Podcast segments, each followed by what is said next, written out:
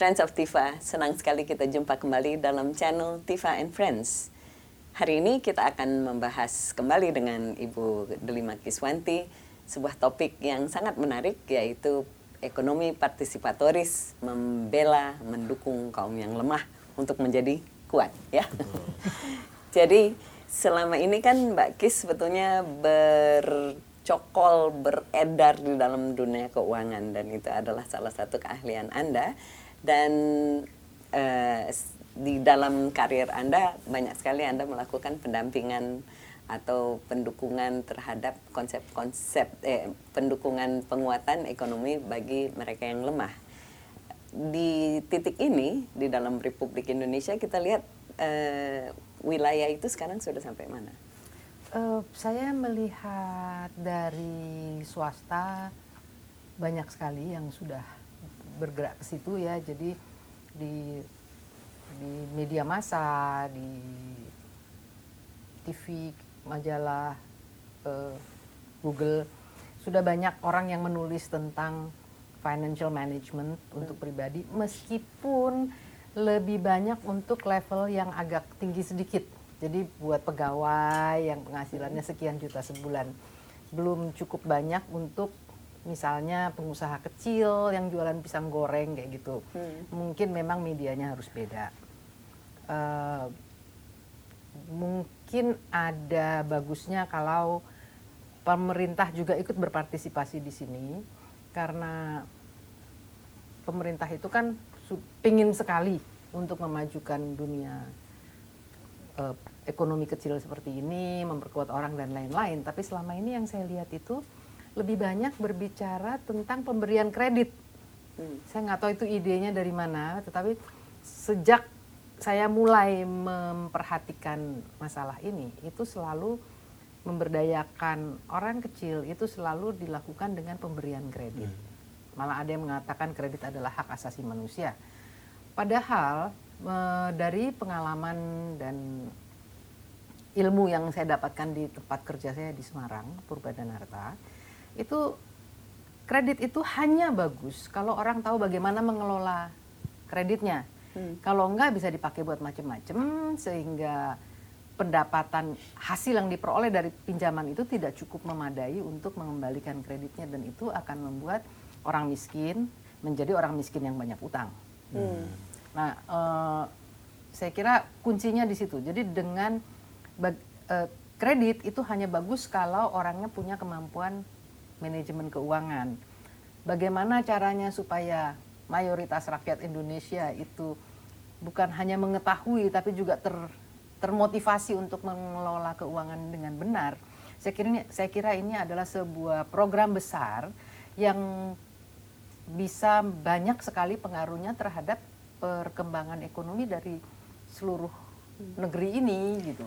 Jadi di sini ada ada dua hal ya. Yang pertama kalau menurut hemat saya itu uh, program TV maupun uh, apa namanya private apa namanya um, penasehat keuangan pribadi yang kita hmm. bisa hire itu kan dilakukan oleh profesional muda kelas menengah yang gajinya tetap di atas 6 juta dan dia mengelola keuangan itu supaya dia bisa uh, membayar rumah dalam hmm. 25 tahun, dia hmm. bisa beli mobil, dia bisa menyekolahkan anaknya nanti hmm. di Harvard ketika anaknya sudah usia 20 yeah. tahun dan hal itu tidak terpikirkan oleh si tukang ibu tukang jualan pisang goreng. Hmm. Nah, yang hal yang kedua yang Mbak Kis ngomong adalah uh, kredit bukan jalan keluar bagi si ibu tukang nasi goreng eh ya. uh, pisang goreng ya. itu. Apa dong jalan keluarnya? Ya, jadi uh, yang paling penting adalah dia bisa ngelola keuangannya. Sederhana sekali kalau kita lihat tukang pisang goreng itu kan dia beli pisang, lalu dia goreng, lalu dia jual itu keuntungannya itu lebih dari 100%. Hmm. Hmm. Nah, terus dia kalau misalnya dia mau menaikkan uh, apa? Omset. Omsetnya dua kali lipat, itu mungkin dia cuma perlu tambahan uang 100 ribu. Dan 100 ribu itu adalah penghasilan dia kemarin. Keuntungan dari usaha dia kemarin atau apes-apesnya hasil seminggu terakhir lah. Hmm. Nggak perlu dong dia minjem uang 500 ribu yang dibayarnya selama setahun untuk meningkatkan omset seperti itu. Yang diperlukan adalah bagaimana dia tahu bahwa keuntungan itu kalau dihabiskan berarti dia uh, nggak tambah kaya. Kalau modalnya dihabiskan berarti dia tambah miskin. Tapi kalau dia simpan sebagian itu bisa jadi membuat usahanya tambah besar. Sesederhana itu, tapi itu ternyata perlu latihan, perlu penyadaran dan mestinya dari sejak SD ya diajarin ya. Hmm. Sebagai praktisi ekonomi uh, mikro ya, BPR BPR itu uh, apakah memang dampak adanya BPR BPR itu betul-betul terasa dan bermanfaat, Mbak? Karena namanya bank perkreditan rakyat, rakyat ya. ya. Jadi ya. konsepnya kredit. Dan apa apa apakah peran itu memang tidak bisa dimainkan oleh bank-bank lain? menurut saya BPR itu mengambil peran yang sedikit berbeda dari perbankan umum ya. Perbankan umum itu dia punya kelebihan dalam hal teknologi, dalam hal kemampuan untuk publikasi, menciptakan produk baru dan sebagainya, dia bisa melayani untuk untuk yang retail nih ya, kita nggak ngomong yang corporate. Retail dia bisa melayani banyak orang sekaligus dengan produk yang rupa-rupa. BPR punya kelebihan karena pengambil keputusan utama, pemilik dan direksinya itu sangat dekat dengan pengguna jasanya. Jadi uh, birokrasinya lebih simpel. Lebih simpel dan dia sangat sangat fleksibel gitu. Jadi ketika ada produk kesenangannya Mbak Debra BLU itu, yeah. ketika ada BLU itu yang bisa nangkep dengan cepat itu adalah BPR. BLU apa? Badan Layanan Umum. Jadi pada waktu itu pemerintah kita ingin memanfaatkan uh, sebagian dari dana reboisasi yang di, ada di di, di Departemen Keuangan dipinjamkan untuk kegiatan-kegiatan yang ramah lingkungan dan me, merehabilitasi hutan. Nah itu dana ini disalurkan melalui BLU, BLU menggunakan tangannya bank dan DPR. Dan dan terjadi revitalisasi dalam uh, perputaran keuangan ya? Ya, dan dan kemudian hal-hal yang semula tidak terpikirkan itu bisa dilakukan. Jadi hutan bertambah baik, kemudian pemanfaatan tanah uh, yang tadinya terlantar menjadi hutan yang cantik yang dimanfaatkan menghasilkan uang buat perorangan maupun desa itu itu terjadi melalui program ini ya mungkin lain kali kita ngobrol soal yeah. itu ya mbak ya uh, tapi yang bisa menangkap dengan cepat menyesuaikan diri dengan dengan tuntutan dari program BLU ini adalah BPR kalau bank itu agak susah dia hmm. karena jaraknya jauh, birokrasinya panjang, eh, teknologinya udah rigid dan lain-lain. Jadi memang orientasi masing -masing, cari untungnya terlalu besar ya. Ah, enggak juga kalau untung mah semua juga mau.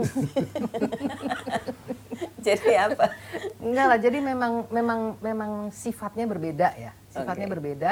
Jadi jenis layanannya, kelebihan kekurangannya beda BPR sama bank umum. Dan bagusnya nah. yang saya tahu saya awam soal ini, tapi saya punya beberapa teman yang punya usaha mendirikan BPR. Hmm. Jadi individu-individu yang sedikit punya modal hmm. mendirikan BPR. Nah, apakah itu memang karena itulah BPR efisien gitu. Tapi sejauh mana BPR bisa benar-benar menjadi akses ekonomi yang aspiratif untuk masyarakat bawah? Semua itu sangat tergantung dari apa yang ingin dilakukan oleh pendiri dan pemilik BPR. Hmm. Ya jadi ada pemilik BPR yang memang memang niatnya itu saya pengen pengusaha-pengusaha di sekitar saya itu menjadi orang kaya sehingga saya ikut kaya. Hmm. Jadi kalau pengusaha dia ngasih kredit orangnya kecil-kecil kemudian enggak didampingin supaya sukses kreditnya dia macet sendiri kan. Hmm. Tetapi kalau dia ngasih kredit kemudian dia bantu orang-orang itu supaya bisa bayar utangnya dengan baik, orang ini tambah makmur, pinjamannya makin gede, BPR-nya makin besar. Jadi kalau kalau memang niatnya si pendiri itu membangun seperti itu ya ya dengan sendirinya sangat positif ya. Tapi ada juga yang pengen cepet aja kan. Pokoknya saya ngasih kredit buat konsumsi, buat beli TV gitu. Ya udah dia ngejar. Ya baik-baik aja, tetapi hmm. itu secara kesejahteraan masyarakat nggak nggak nggak banyak pengaruhnya. Tapi kan nggak lazim lah, masa orang pinjam uang, pinjam kredit untuk beli TV konsumtif. Banyak kali. Prakteknya banyak ya. Tapi itu tidak bisa dideteksi oleh sistem manajemen di bank BPR itu misalnya. Lah itu bagian dari produk. Oh. Hmm. Banyak banget. Aduh sering kali terjadi itu, saudaraku. Itu pegawai-pegawai itu gaji belum naik. Hmm udah kedengeran sama perbankan, sama orang marketing perbankan, udah ditawarin dulu. Nanti ya kalau Hmm. gajinya naik, kan berarti kamu punya tambahan uang sekian. Beli ini cicilannya sekian gitu. Jadi begitu gajinya naik, dia udah kredit langsung. Ada. Jadi ini, bagian inilah yang harus ada pendidikan masif ya, pendidikan Betul. masyarakat. Yang saya sangat ngeri hari-hari ini kan adalah eh, pergi dulu sekarang, bayarnya belakangan.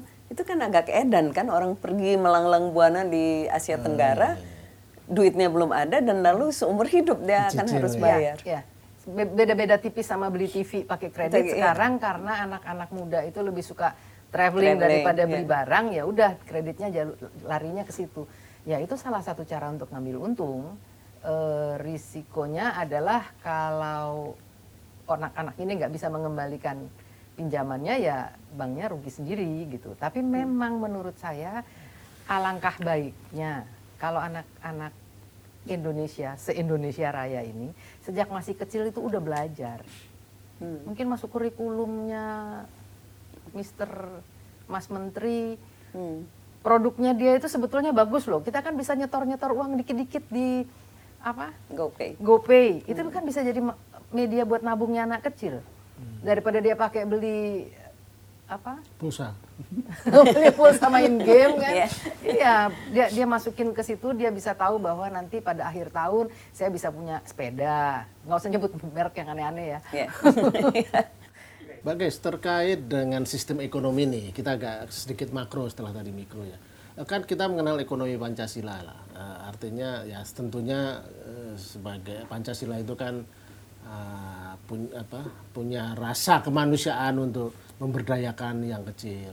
Tapi prakteknya ini kan eh, kita seperti kapitalisme yang kuno gitu. Ah, Siapa yang kuat boleh menguasai. Contohnya adalah convenience store itulah. Di mana-mana warung-warung warga sekarang habis karena convenience store bisa masuk level kampung-kampung. Nah, kira-kira policy atau pendekatan apa atau persisnya eh, lembaga civil society seperti TIFA itu bisa memainkan apa dalam konteks untuk mempengaruhi kultur atau policy eh, ekonomi yang Cenderung pro- monopolistik ya. gitu. Eh, di yang saya lihat itu adalah orang yang sudah menikmati enaknya uang itu punya kecenderungan dua tergantung dari lingkungan pendidikan dan lain-lain. Dia mau bantu orang kelebihannya itu dia pakai buat bantu orang. Atau dia ngerasa masih ah aku masih kayak kalau segini aja enak pasti kalau lebih banyak lebih enak lagi.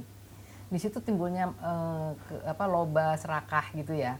Nah kayaknya yang selalu disalahkan dari kapitalisme itu adalah eh, menempelnya keserakahan dengan sistem yang kita sebut kapitalistik ini. Jadi kesan saya memang di Indonesia itu tidak ada sesuatu untuk meredam kecenderungan serakah ini karena itu lebih enak daripada ba- berbagi.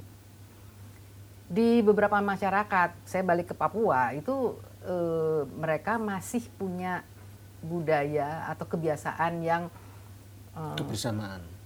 kebersamaannya sangat kuat. Eh, mungkin kalau kalau apa teori yang baru yang disebut the commons itu mungkin masuk di sesuai dengan gaya hidup di Papua.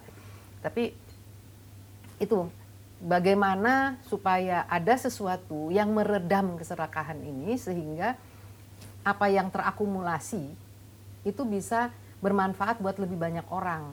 Nah ini yang menurut saya kayak eh, perlu Bagaimana dengan sistem koperasi? Ya, itu kan kebijakan kita kan koperasi sebetulnya. Iya, koperasi itu kan sebetulnya teoritis bagus banget.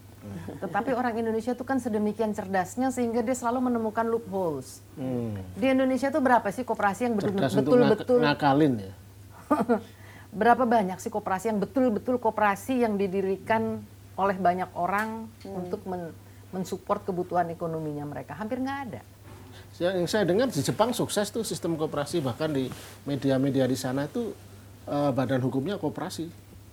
Yang saya lihat itu gini, koperasi itu akan berhasil kalau beberapa orang yang punya kegiatan ekonomi yang sejenis atau punya eh, apa ya sejenis lah setara seapa gitu, mereka bersatu untuk menya, bersa, untuk mem- untuk men, me- menemukan sesuatu, untuk melakukan sesuatu bersama-sama, mensupport usaha-usaha individu ini. Betul. Ya, jadi kalau misalnya eh, tukang jual kue, mereka bikin koperasi, kalau di Semarang namanya paguyuban, supaya mereka bisa bersama-sama beli tepung lebih banyak, lebih Iya. murah. Cooperation kan Atau kerja Yang bersama. seperti itu. Nah, di Indonesia yang banyak itu kan eh, orang-orang yang nggak melakukan apa-apa, terus bersatu bersama-sama untuk melakukan usaha. Memulai usaha itu sendirian aja susah. Hmm. Apalagi 10 orang idenya 10 macem, gimana nggak gagal? Hmm.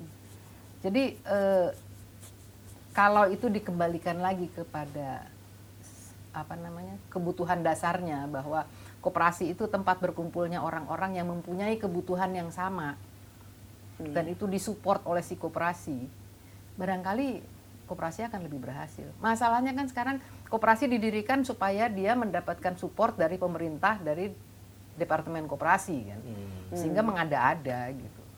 Oke. Nah ini balik lagi. Jadi sebetulnya ada kebutuhan yang sangat besar untuk pendidikan massal eh, dan ada kebutuhan untuk eh, sebuah polisi pemerintah yang lebih tepat guna bagi cara kita mengelola uang atau cara kita anti trust, anti monopoli atau bagaimana kalau dari Iya. dari sudut pandang keuangan mikro. Kalau pendidikan menurut saya memang itu penting banget, penting sekali. Jadi dar, sebetulnya kan eh, orang tua itu bisa dikendalikan sama anaknya. Kalau anak-anak SD itu semua diberi kesadaran tentang pentingnya mengelola uang dengan bijak, bagaimana dia memikirkan kebutuhan yang akan datang. Itu anak-anak itu bisa ngajarin ibunya untuk lebih bijak. Jadi dari sisi pendidikan menurut saya dari sejak pendidikan dasar itu penting banget. Dari segi policy itu juga nggak kalah penting menurut saya. Barangkali Tifa bisa bermain di sini. Itu kan eh, banyak sekali terjadi keputusan apa ke peraturan atau kebijakan pemerintah yang dibuat untuk mencapai sesuatu dengan sangat cepat. Oke, kita perlu masyarakat itu punya usaha dengan membentuk koperasi. Oke, kita kita beri insentif orang yang mau bikin koperasi. Akhirnya kan terbentuk koperasi yang abal-abal. gitu. Hmm. Dari yang ya, sebetulnya yang diperlukan jalan yang lebih pelan tapi lebih menghasilkan dan ini kan nggak ada yang mau pelan-pelan. Jadi, jadi kooperasi akal-akalan. Itu mayoritas.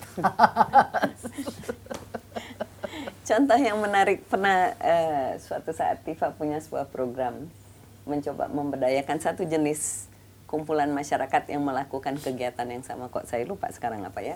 Tapi em, Cemberana itu bukan adat. Kenapa? Bukan. Barat. Mereka punya usaha, usaha desa, dan lalu ada contoh yang keluar dari yang me- melakukan pendampingan. Dia menunjukkan contoh Rabobank di Belanda, yang adalah kumpulan ribuan usaha yang sama, yang sejenis, yang saya lupa bergerak di bidang eh, bidang koperasi sebetulnya Pertanian ya mereka ya. pertanian dan lalu itu menjadi koperasi simpan pinjam dan kemudian berkembang menjadi bank skala internasional. Tetapi di Belandanya sendiri dia masih eh, apa tindak tanduknya perilakunya masih seperti koperasi, Koperasi. seperti itu. Itu kan contoh sukses besar kan. Eh, kenapa kita tidak bisa mencetak satu cerita sukses yang agak mirip? Jadi itu diinisiasi oleh program TIFA, Mbak.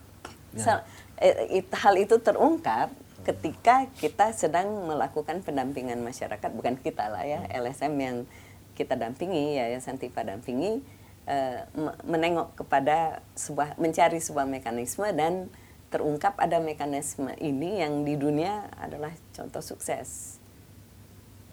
Ya, eh, semestinya sih bibit-bibit di Indonesia juga ada ya. Di credit union itu salah satu salah satu bentuk koperasi yang dibangun untuk berjalan sebagai sebuah koperasi yang sebenar-benarnya koperasi dimiliki dimiliki oleh anggotanya ber- berkegiatan untuk membantu anggotanya gitu. Eh, sim- dananya juga dari simpanan anggota dan pinjamannya juga buat anggota. Saya kelihatannya sudah cukup lama berjalan, saya sendiri nggak ngelihat dari dekat, apalagi sekarang bagaimana kondisinya, tapi itu salah satu upaya masyarakat untuk membu- membuat koperasi yang beroperasi benar-benar dengan jiwa koperasi.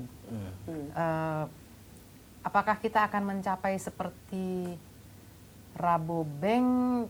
Ya saya juga nggak baca ya sejarahnya si Rabobank dulu seperti apa gitu. Hmm. Mengapa tidak?